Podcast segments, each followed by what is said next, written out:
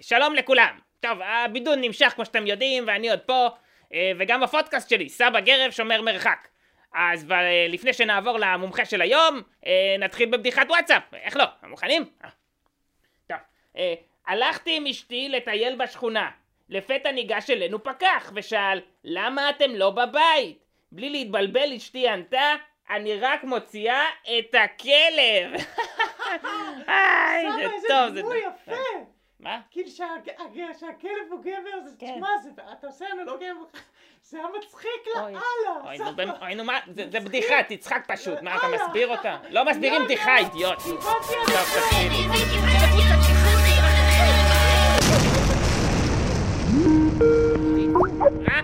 ממני! אז אה, היום נמצאת איתנו דנה, מומחית, אה, שם, בעל שם עולמי לתחום הכלכלה, אה, פוד, פודקסטרית בתחום, ה, אה, בתחום החיות כיס, יש לה פודקאסט. אה, מה שלומך? מצוין, מצוין, מה שלומך אתה? איזה יופי, שלומי לא כל כך טוב, פה בבידוד עם, ה... עם הדרק הקטן. אה, שקט. אה, אבל סך הכל בסדר, איך, איך עוברים עלייך הימים? אה, מה, את, את עסוקה בפודקאסטים? כן, האמת שאנחנו עובדים מאוד מאוד קשה, אנחנו ממש מייצרים מסביב לשעון אה, איזה יופי, מידע. איזה יופי. אה, יש לך טיפים אולי לפודקאסטר מתחיל, כמוני? אה, מאוד מאוד חשוב, כשאתה מראיין מישהו, לתת לו לדבר, אפילו אם זה אומר שאתה צריך לשתוק ושיהיה רגע מביך. כי אז אנשים אומרים יו- הכל יופי. כדי למלא את המבוכה. יו, יופי של, יופי של טיפ. אוקיי? מה עכשיו? אה, אני מיישם מה שאמרת לי, אה, אוקיי. אני תלמיד טוב, אומרים לי אני עושה. כן. אז uh, בתור מומחית, גם לפודקאסטים וגם לכלכלה, הבנתי שאת באמת בעלת שם עולמי בתחום. אה, אני אשמח שתספרי לנו את סיפור שקשור לסוף העולם, כמו שנראה עכשיו הוא בדרך, הוא מאוד קרוב. אז uh, נשמח ככה שתעודדי אותנו עם סיפור קשה ועצוב. בבקשה. אוקיי. הסיפור שאני הולכת לספר לך הוא סיפור על תעשיית השמפניה. אה, הסיפור מתחיל מזה שלפני, אני חושבת, חמש או שש שנים הייתי בפריז. ושתיתי יין. אני לא יודעת אם אתה זוכר, אבל פעם היה קטע כזה, היית טס למקומות, והיית יכול ללכת שם ברחוב ולפגוש אנשים, לשתות איתם יין, זה היה עולם כזה אחר. והיה איזה קטע שעמדתי ושתיתי כוס יין עם מישהו, ואז הוא אמר, ואמרתי לו שהיין מאוד טעים, ואז הוא ענה לי, כן, את זה הגרמנים לא ייקחו לנו. שזה היה נורא נורא מוזר, ושאלתי אותו מה זה אומר, ואז הוא אמר לי שכשהנאצים פלשו לפריז, מהמם. הפריזאים שפכו את חביות היין שלהם לרחוב, לתוך. לתוך הנהר בעצם, כדי שהנאצים לא ישתו להם את היין, ואת מה שהיה בציר ממש משובח, הם שתו באותו ערב, והם היו כולם שיכורים כשהנאצים נכנסו לפריז. אה, זה מסביר. זה גם מסביר הרבה דברים. עכשיו, באמת, שמפניה זה מין שם נרדף לחיים טובים, באקסטרים. עכשיו, אם אתה חושב על זה ואתה מכניס את זה לתוך סיטואציה של מלחמה, שעם כל הכבוד לקורונה, שהיא מאוד מפחידה, ועם המשבר הגלובלי הגדול שאנחנו חווינו בחיינו, זה עדיין לא אימת מוות. אה, מה, לא אימת מוות, תראי, אני יש, בקבוצת יש אימת סיכון. מוות. בקיצור. הנאצים כבשו את, אה, את אה, חבל שמפיין ואת כן. בורדו בצרפת, שזה מקומות שמאוד מאוד משמעותיים לתעשיית היין, והם הציבו נאצי שהיה, המשפחה שלו ממש עברה עם השנים מצרפת לגרמניה עם המלחמות, קראו לו קלביש. והקלביש הזה, כן, קלביש. אה, בצרפתית, קלביש. הוא מונה להיות אחראי על תעשיית היין הצרפתית הכבושה. עכשיו, כשצרפתים אוקיי. שמעו שהוא מגיע, בהתחלה הם אמרו, אוקיי, טוב, הוא, הוא משלנו, סוג של, כאילו, למשפחה שלו, הם היו מאוד פעילים בתעשיית הקוניאק, והוא מבין אותנו. ודי מהר הובהר שהוא לא כל כך מבין, ולא כל כך אכפת לו. אז בהתחלה באמת היה סיפור של ביזה, שגנרלים נאצים בזזו יינות מאוד מאוד יקרים. אה, זה מאוד ידוע, דרך אגב, שהיטלר לא שתה אלכוהול, אבל מסתבר שהוא שמר בבונקר שלו.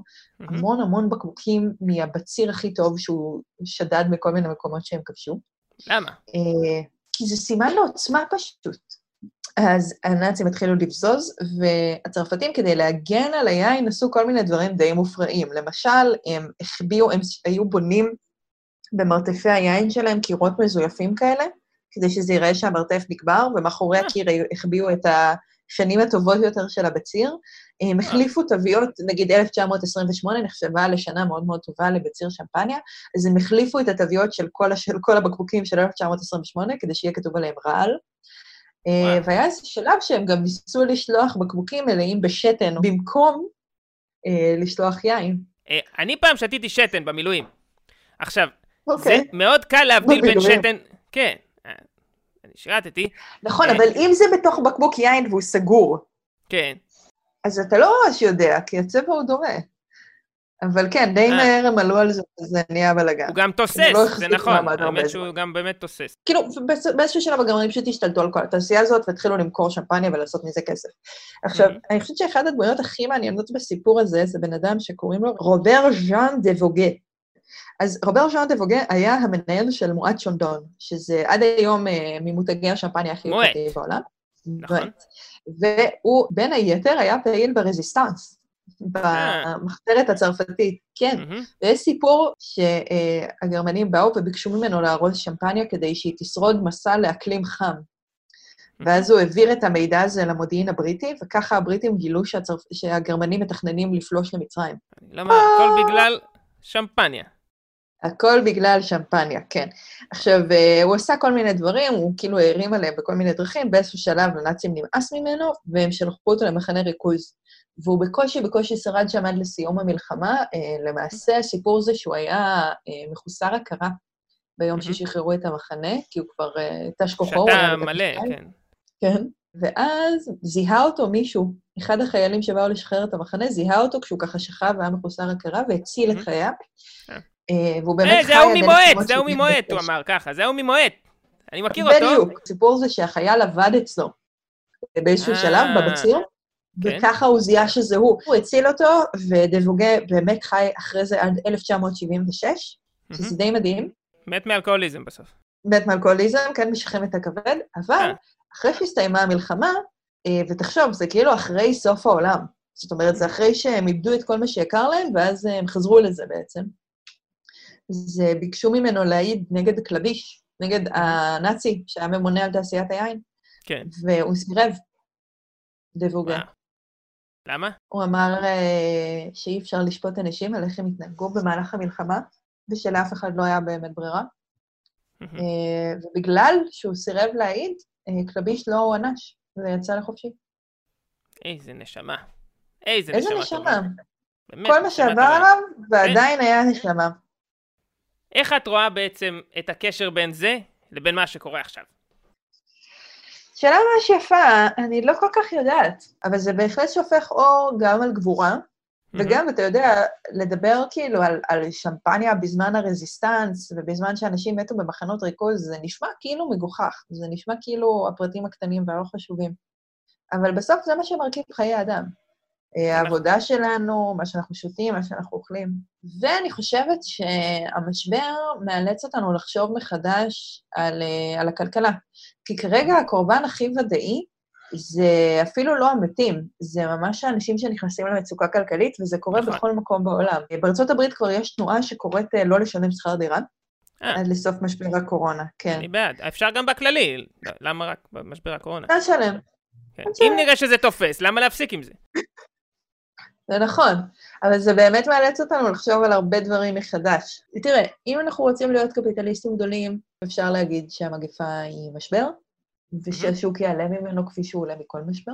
יש משפט שלא שמעתי אותו בזמן האחרון בכלל, משפט יפה, שאומר, אם החיים נותנים לך לימונים, תעשה מהם לימונדה. לגמרי. אני חושב שזה צריך לזכור כל הזמן.